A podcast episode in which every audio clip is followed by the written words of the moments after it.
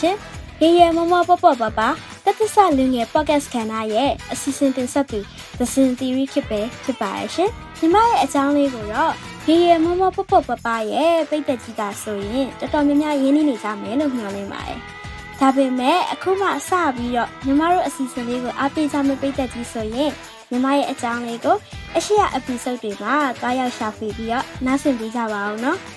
ဒီလို podcast ကဏ္ဍလေးမှာပါဝင်ပြခဲ့တာကတော့ ညီမကအရင်တုန်းကတခြားအဖွဲ့အစည်းတွေရဲ့ podcast အစီအစဉ်တွေမှာ guest speaker အနေနဲ့ပါဝင်ခဲ့ရတဲ့အတွေ့အကြုံတွေကနေပြီးတော့တဖြည်းဖြည်း podcast တွေကိုဖန်တီးရတာသဘောကျလာတယ်။အဲဒီတော့ online ကနေပြီးတော့ podcast နဲ့ပတ်သက်တဲ့အလုပ်လေးတွေရှာရင်းနဲ့ DMC ရဲ့ network ရဲ့ရေရေမမပပပပ podcast ကဏ္ဍမှာအလုပ်တင်ခေါ်နေရလေးတွေတွေ့ပြီးတော့နေလျှောက်ဖြစ်ခဲ့တာကနေအလုပ်အသင်အဖြစ်နဲ့ focus နဲ့ဆိုင်တဲ့ပညာရက်တွေကို3လကြာလေ့လာခဲ့ပြီးရဲ့နောက်ဆုံးမှာတော့တသစ္စာလူငယ်ကဏ္ဍလေးမှာပါဝင်နိုင်ခဲ့ပြီပေါ့နော်ဒီကဏ္ဍလေးမှာညီမရဲ့ကိုယ်ပိုင် idea နဲ့အစီအစဉ်လေးတွေကိုတင်ဆက်ရတဲ့အတွက်အလွန်ပဲဝမ်းသာမိပါရဲ့ရှင်ဒီနေ့မှာတော့ညီမကိုယ်တိုင်ဖန်တီးတင်ဆက်ခြင်းတဲ့အစီအစဉ်လေးနဲ့ပထမဦးဆုံးမိတ်ဆက်ပေးပါရစေရှင် Let's find out AWD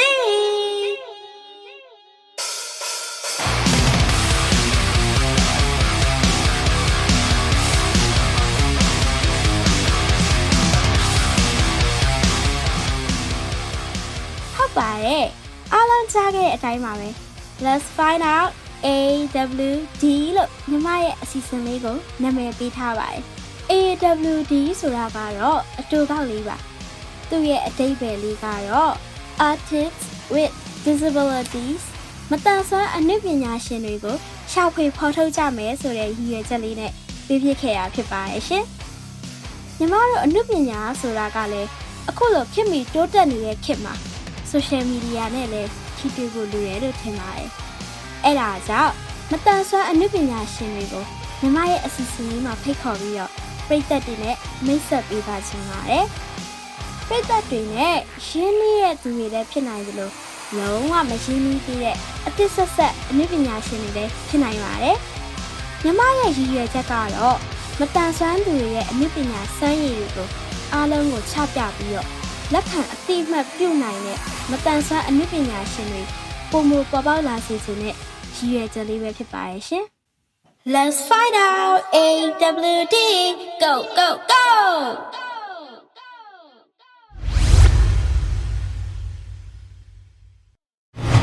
Now the day bleeds into nightfall,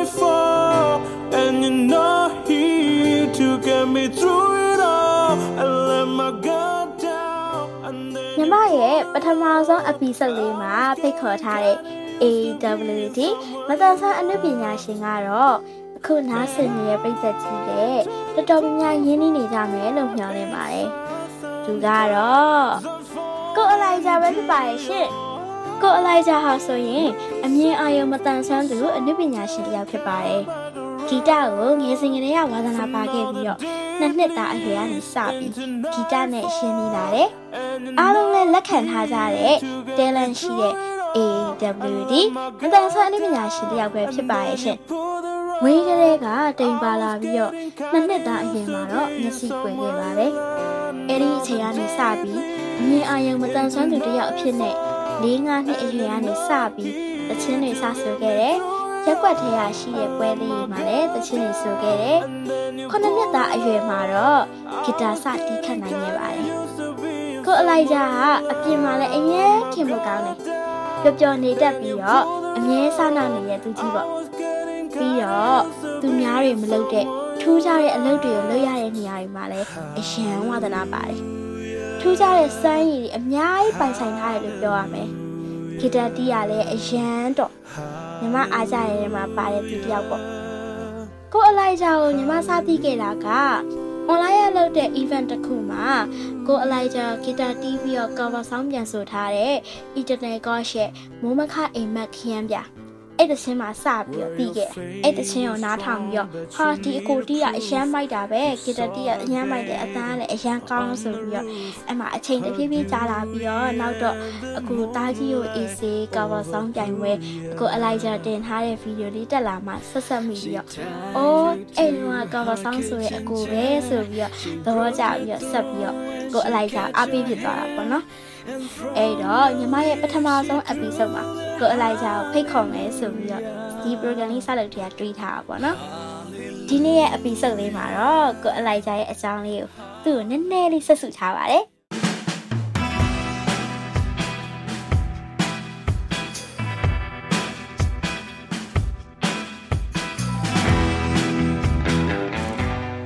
အကိုရေမင်္ဂလာပါရှင့်။အော်ဟုတ်ကဲ့ညီမရေမင်္ဂလာပါအနုပညာလောကတွေကို အကိုဘယ်လိုဆက်ရောက်ဖြစ်ခဲ့ရလဲဆိုတာပြိသက်ကြီးနဲ့ညီမကိုနည်းနည်းတော့ဆက်စီခွင့်ပြုပါအောင် ။ဟုတ်ကဲ့ပါ။အာအကိုအနုပညာလောကတွေကိုဘယ်လိုစရောက်လဲဆိုတော့အာအမှန်တိုင်းပြောရရင်တော့မွေးကလေးကအနုပညာလောကတွေကိုရောက်နေလို့ပဲပြောမှာ။ဘာဖြစ်လို့လဲဆိုတော့အကိုခံယူထားတာကြတော့အနုပညာဆိုတာကိုယ်ကိုယ်တိုင်လုံနေမှာပဲအဲ့ဒီလောကသားဖြစ်တာလည်းမဟုတ်ဘူးเนาะ။အာပြီးရင်အဲ့ဒီ အနုပညာကိုခံစားရတဲ့သူကိုယ်တိုင်ကလည်းအဲ့ဒီလောကသားပဲ။အကောတော့အဲ့လိုခံယူတယ်။ဘာဖြစ်လို့လဲဆိုတော့တကယ်အနုပညာကိုချစ်မြတ်လို့တဲ့သူအဲတကယ်အနုပညာကိုခံစားတတ်တဲ့သူကသူတို့ကိုသူတို့အနုပညာနဲ့တသားတည်းလို့မြင်တယ်ပေါ့နော်အဲ့တော့အနုပညာလောကကိုပယ်ခြင်းရဆောက်လဲလို့သာမင်းတော့အာငယ်ငယ်တည်းကလို့ပဲဖြစ်ရမှာပဲအဲမွေးကလေးကအာပကတ်ထဲမှာကဆက်နဲ့အိတ်တယ် ပကတ်ထဲတွေအိတ်ရတဲ့တွေမှာအာတခါတည်းကဆက်ပါပြီးသားပေါ့လေအဲ့လိုမျိုးအိတ်တယ်ပြီးတော့အဲ့လိုနည်းနည်းသားလောက်မှာပေါ့အဖေကဂီတာကီးချပေးလိုက်တာနဲ့အကိုကအဲ့ဒီကီးအတိုင်းကိုဝင်အောင်ဆိုနိုင်တယ်ပေါ့နော်လုံးဝဒါကဘယ်လိုပြောမလဲအနုပညာပိုဘယ်လောက်ထနေလဲဆိုတာအအမှအရန်သိတာပေါ့နော်အဲဒီလိုနည်းနည်းကလေးကကီးကိုဖမ်းနိုင်တယ်ဆိုတာ ဖေတို့ကလည်းတော်တော်လေးအံ့ဩတယ်ပေါ့အဲ့လိုမျိုးပြီးရင်တချင်းကိုဆိုလဲတနေ့ကုန်မအိတ်မချင်းကိုနားနားထောင်တာပေါ့နော်တခဲတွေကုန်တယ်ပြီးရင်ကက်ဆက်တွေလည်းကုန်တယ်ပေါ့အကက်ဆက်ကုန်တယ်ဆိုတာအကိုကကြတော့ကက်ဆက်လည်းဖြတ်တယ်ပေါ့နော်အဲတချင်းလည်းနားထောင်တယ်ကက်ဆက်လည်းဖြတ်တယ်ပေါ့အဲ့လိုမျိုးအဲအဲ့ဒါကနေပြီးတော့ဒီလိုမျိုးအဲ့ဒီ၄နှစ်၅နှစ်လောက်ကနေအဲ့လိုမျိုးရက်ွက်ရဲ့ဒီဇိုင်းနာ stage show တွေမှာတချင်းဆိုတယ်ပြီးတော့ခုနှစ်နှစ်မှာဂီတာစတီးတယ်ပေါ့နော် အဲပြီးရင်ကိုယ့်ရဲ့ church တွေမှာလည်းတချင်းဆိုတယ်ပေါ့နော်အဲဖျားတချင်းအနေနဲ့အဲ့လိုမျိုးကွန်တော်ချီမွန်းနေပြီးတော့ဒီ73နှစ်သားလောက်မှာဖျားသရှင်ကိုတခွေထွက်ထွက်ခဲ့တယ်ပေါ့နော်ညီကိုချစ်ချင်းရာဆိုပြီးတော့တခွေတခွေထွက်တယ်အဲထုတ်တာကတော့အဲ့ဒီအဲ့ဒီတချင်းကိုစသွင်းတာ12နှစ်သားမှသွင်းတာအတန်မပြောင်းသေးဘူးအတန်မပြောင်းသေးဆိုတော့အတန်ကလေးတန်မရှိသေးဘူးဒါပေမဲ့အချိန်ကြီးကြောင်းကြောင်းကြောင်းကြားမှာကြံ့ကြာသွားတယ် ထုတ်ပြလိုက်တော့73နှစ်အဲ့ချိန်မှာအတန်ကလည်းပြောင်းနေပြီအရက်လည်းရှိလာအဲအဲ့လိုမျိုးအဲ့နေစားပြီးတော့အဲပြတ်ချင်းကိုတခွေထွက်ပြီးအဲပြောရမှာဆိုရင်ဒီအကိုတို့ဒီခရီးယန်အတိုင်းဝိုင်းသူတွေတိလာတယ်ပေါ့နော်တိလာဆိုတော့မှအကိုတတိချာချာမသိဘူးအဲ့တော့ကနာမည်ကကျတော့သွန်းနေဆိုးဆိုနေတယ်ဒီလိုမျိုးအနုပညာနာမည်တကိုကိုမရွေးရသေးဘူးဟိုဒီတိုင်းပဲထုတ်ဆို ထုတ်ပေးခြင်းတဲ့သူရှိတယ်အကိုကလည်းထုတ်ချင်တယ်ဆိုဒီတိုင်းပဲထုတ်လိုက်တာဒီမှာကလည်းအဲကမန်းကတန်းလှုပ်လိုက်တယ်ပေါ့နော်အဲ့တော့နာမည်လေးတေချာမရွေးလိုက်ဘူးပြီးတော့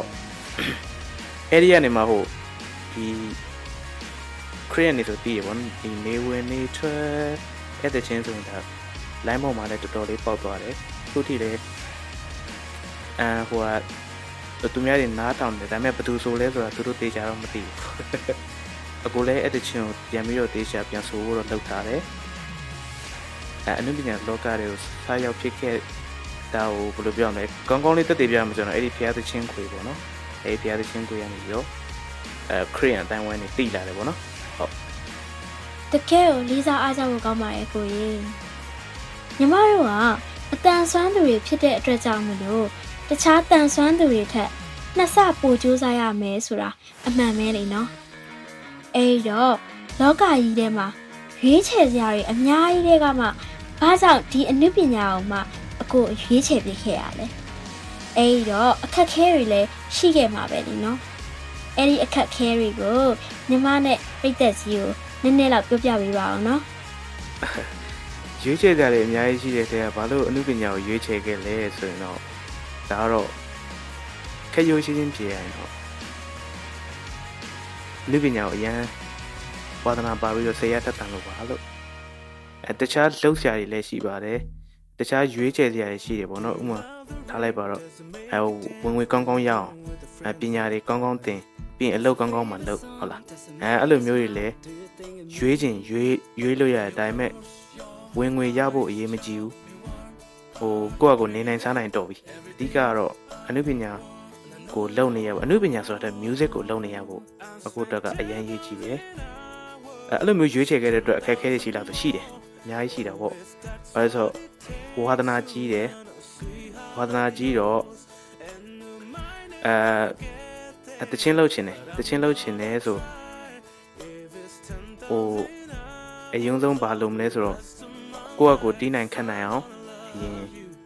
တင်ယူရတယ်ဗောနော်ပြီးတော့မှ အဲတီးနိုင်ခတ်နိုင်ရုံနဲ့မပြီးသေးဘူးအအကိုကဒီကိုယ့်အကိုတခါတည်းကိုယ့်အကို recording engineer လုပ်မယ်ကိုယ့်အကို mixing engineer လုပ်မယ်အဲအဲ့လိုမျိုးဆုံးဖြတ်ထားတော့လေအဲ့တော့အဲ့ဒီပညာတွေတင်ယူရတယ်အဲတင်ယူဖို့လည်းတော်တော်လေးအချိန်ဆောင်ခဲ့ရတယ်ဗောနော်အဲ့ဒါကိုအမှန်တိုင်းပြောရင်အဲ့ဒါကိုတင်ကျင်ခဲ့တာက3-4တန်းလောက်ကတည်းကဒါပေမဲ့တကယ်တမ်းတင်ခဲ့ရတာကြတော့10တန်းပြီးမှ10တန်းပြီးမှတော့မှတော်တော်လေးကြာသေးတယ်အဲအဲ့တော့မှတင်ခဲ့ရတယ် ပြီးရင်အခက်အခဲတွေနဲ့ပါရှိပါရှိလဲဆိုတော့ပစ္စည်းမပြည့်စုံဘူးပေါ့နော်အဲ့လိုတင်ခဲ့တဲ့အချိန်မှာတော့မှ laptop အစုပ်လေးရှိတယ်အဲ့ဒီအစုပ်လေးနဲ့ပဲအဲတချင်းလုပ်တယ်လုပ်ရင်းနဲ့အဲအဲ့လိုလုပ်ရင်းနဲ့ laptop ပိတ်သွားလိုက်အတိုင်းရပ်သွားလိုက်အဲ့လိုမျိုးခဏခဏဖြစ်တယ်နောက်ဆုံးဒီ hollow guitar လေးတစ်လုံးတော့ဂျက်ထိုး hollow ရှိတယ်ရှိတယ်ဆိုပေမဲ့ဟိုဘယ်လိုပြောမလဲ လိုအပ်တာကြတော့ electric guitar အဲ electric guitar အဲ့ချိန်မှာမရှိဘူးမရှိတော့ဘာလို့ ਆ လဲဆိုတော့အဲ့ဒီ hollow guitar ကိုပဲ electric effect plugin ဆွတ်တယ်အဲ့ဒီ plugin ကနေမှ electric အတန်ထုတ်ပြီး hollow နဲ့တီးရတယ်ပေါ့နော်အဲ့တော့အစင်ကတော့မပြေဘူးမပြေဘူးဆိုတာ electric effect ဆိုတာကသူ့ရဲ့ electric guitar နဲ့တီးမှအဆင်ပြေပေါ့နော်အဲ့မှာပဲအတန်ကောင်းကောင်းထွက်တယ်အဲ့လိုမျိုးအဲ့လိုမျိုးပစ္စည်းခက်ခဲတွေလည်းရှိတယ်ပြီးရင်တချင်းလို့ကိုယ့်အကိုအပင်ပန်းခံရတယ်ပေါ့နော် အဲ drum drum ဆိုရင်လည်း MIDI နဲ့ထိုင်ရေးရတယ်အဲ MIDI keyboard မရှိလို့အဲ MIDI keyboard ရှိရင်တော့ဒီတိုင်းပဲ keyboard နဲ့ရိုက်တီးလိုက်လို့ရတယ်အဲ့လိုမရှိတော့ drum နောက်တစ်လုံးချင်းတေးသေးချာချာလေးထိုင်ရေးရတယ်ပေါ့နော်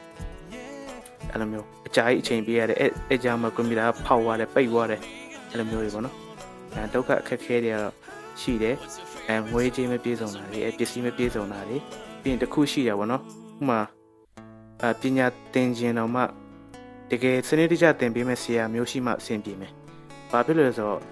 အစဉ်းစားကြည့်နေမှာအကိုတော့မမြင်အောင်ဆိုတော့ YouTube ကနေသူတို့ပြတယ်ပဲထောင်းလက်ကဘယ်လိုလုပ်နေလဲဥမာထားလိုက်ဂီတာလက်ဆန်တစ်ခုကြည့်မယ်သူတို့လက်ကဘယ်လိုသွားနေလဲဘယ်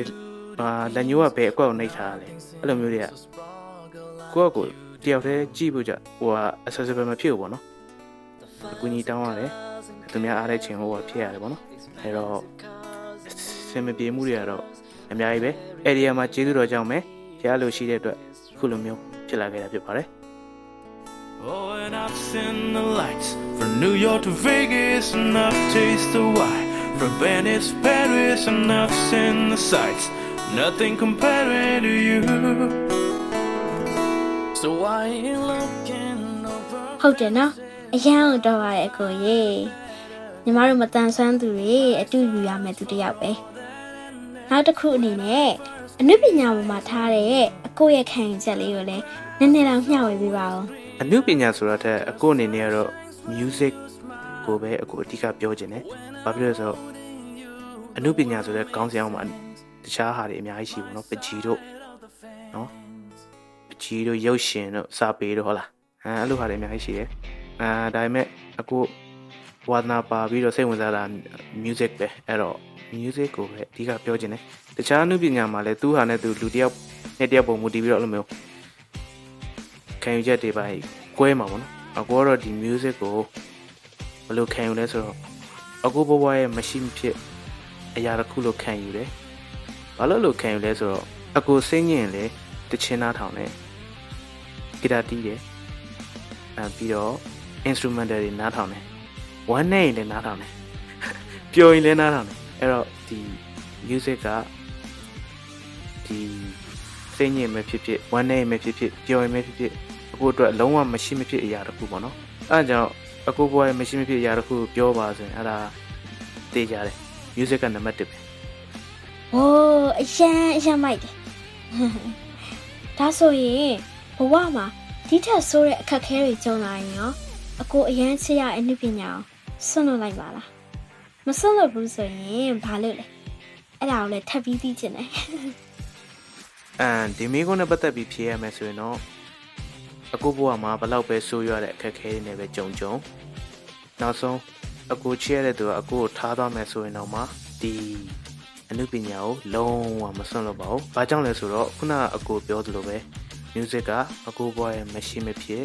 အဲ့တော့မရှိမဖြစ်နံပါတ်1နေရာမှာရှိနေတယ်။ အဲ့တော့တခြားဘလောက်ပဲအရေးကြီးတဲ့အရာဖြစ်ဖြစ်သူ့လောက်တော့အရေးမကြီးဘူး။အဲ့ဒီအတွက်ကြောင့်အနုပညာကိုလုံးဝမစွန့်လို့ပါဘူးလို့အကူအကြောက်ဆုံးကဘာလဲဆိုတော့အကူရဲ့လက်တစ်ဖက်ကျိုးသွားမှအကူအရန်ကြောက်တယ်။ဒါမှမဟုတ်လက်တစ်ဖက်ပြတ်သွားမှအရန်ကြောက်တယ်။ဘာကြောင့်လဲဆိုတော့အကူဂီတာတီးလို့မရတော့မှဆိုလို့အဲ့လိုဂီတာတီးလို့မရတော့ဘူးဆိုရင်အကူ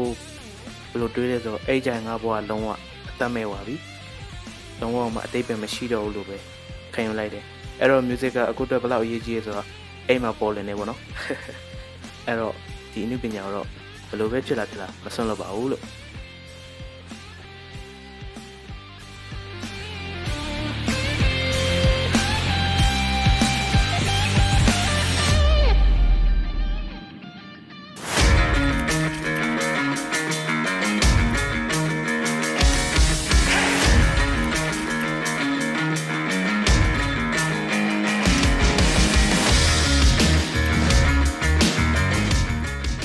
နောက်ဆုံးတစ်ခုအနေနဲ့အခုနားဆင်နေတဲ့ပိတ်သက်ကြီးကို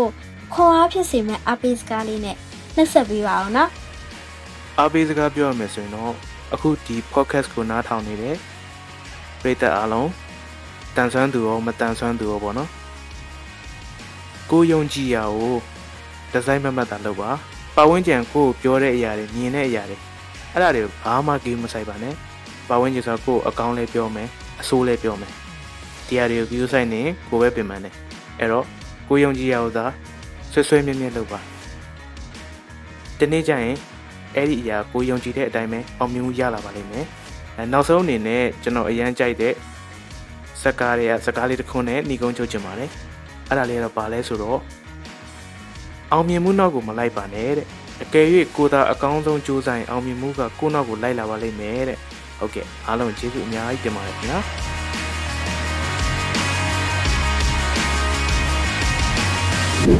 Let's find out AWD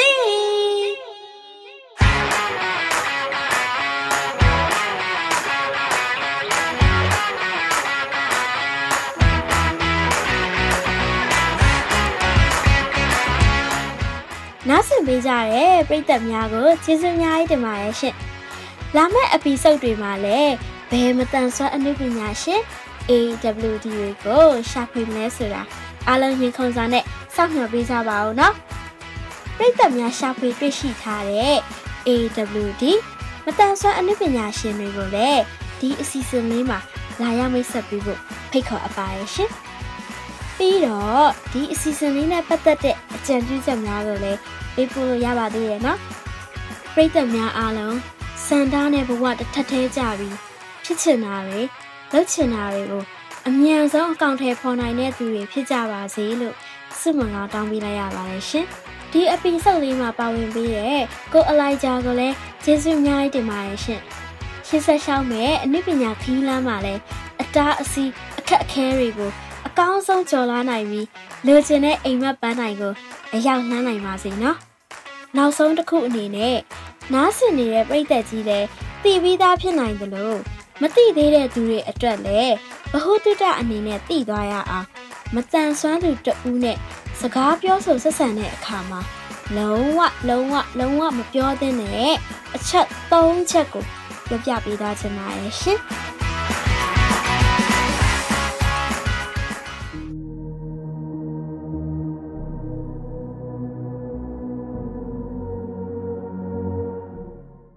နံပါတ်1တနာလိုက်တာနံပါတ်2 ရှေးဘဝဝကြွေးတွေပဲဖះမများရှိခိုးနော်နံပါတ်3ဒီလိုဒုက္ခိတတာမဖြစ်ခဲ့ရင်ဒီအချက်တွေကတော့မြမကိုယ်တိုင်မတန်ဆွမ်းသူတယောက်အနေနဲ့ခံစားခဲ့ရတဲ့လုံးဝလုံးဝမကြိုက်တဲ့အချက်၃ချက်ပဲဖြစ်ပါရဲ့ရှင်အခုနားဆင်နေတဲ့ပြည်သက်ကြီးထဲမှာလည်းမတန်ဆွမ်းသူတယောက်ယောက်ပါဝင်ခဲ့မယ်ဆိုရင်မိမိတို့ကလည်းခံစားခဲ့ရတဲ့စကားလုံးအချို့ကို comment မှာမျှဝေပေးခဲ့ပါအောင်နော်နောက်ထပ် episode အပိုင်းတွေမှာပြန်ဆောင်ကြပါမယ်ကောင်းသောနေ့လေးဖြစ်ပါစေရှင် Bye bye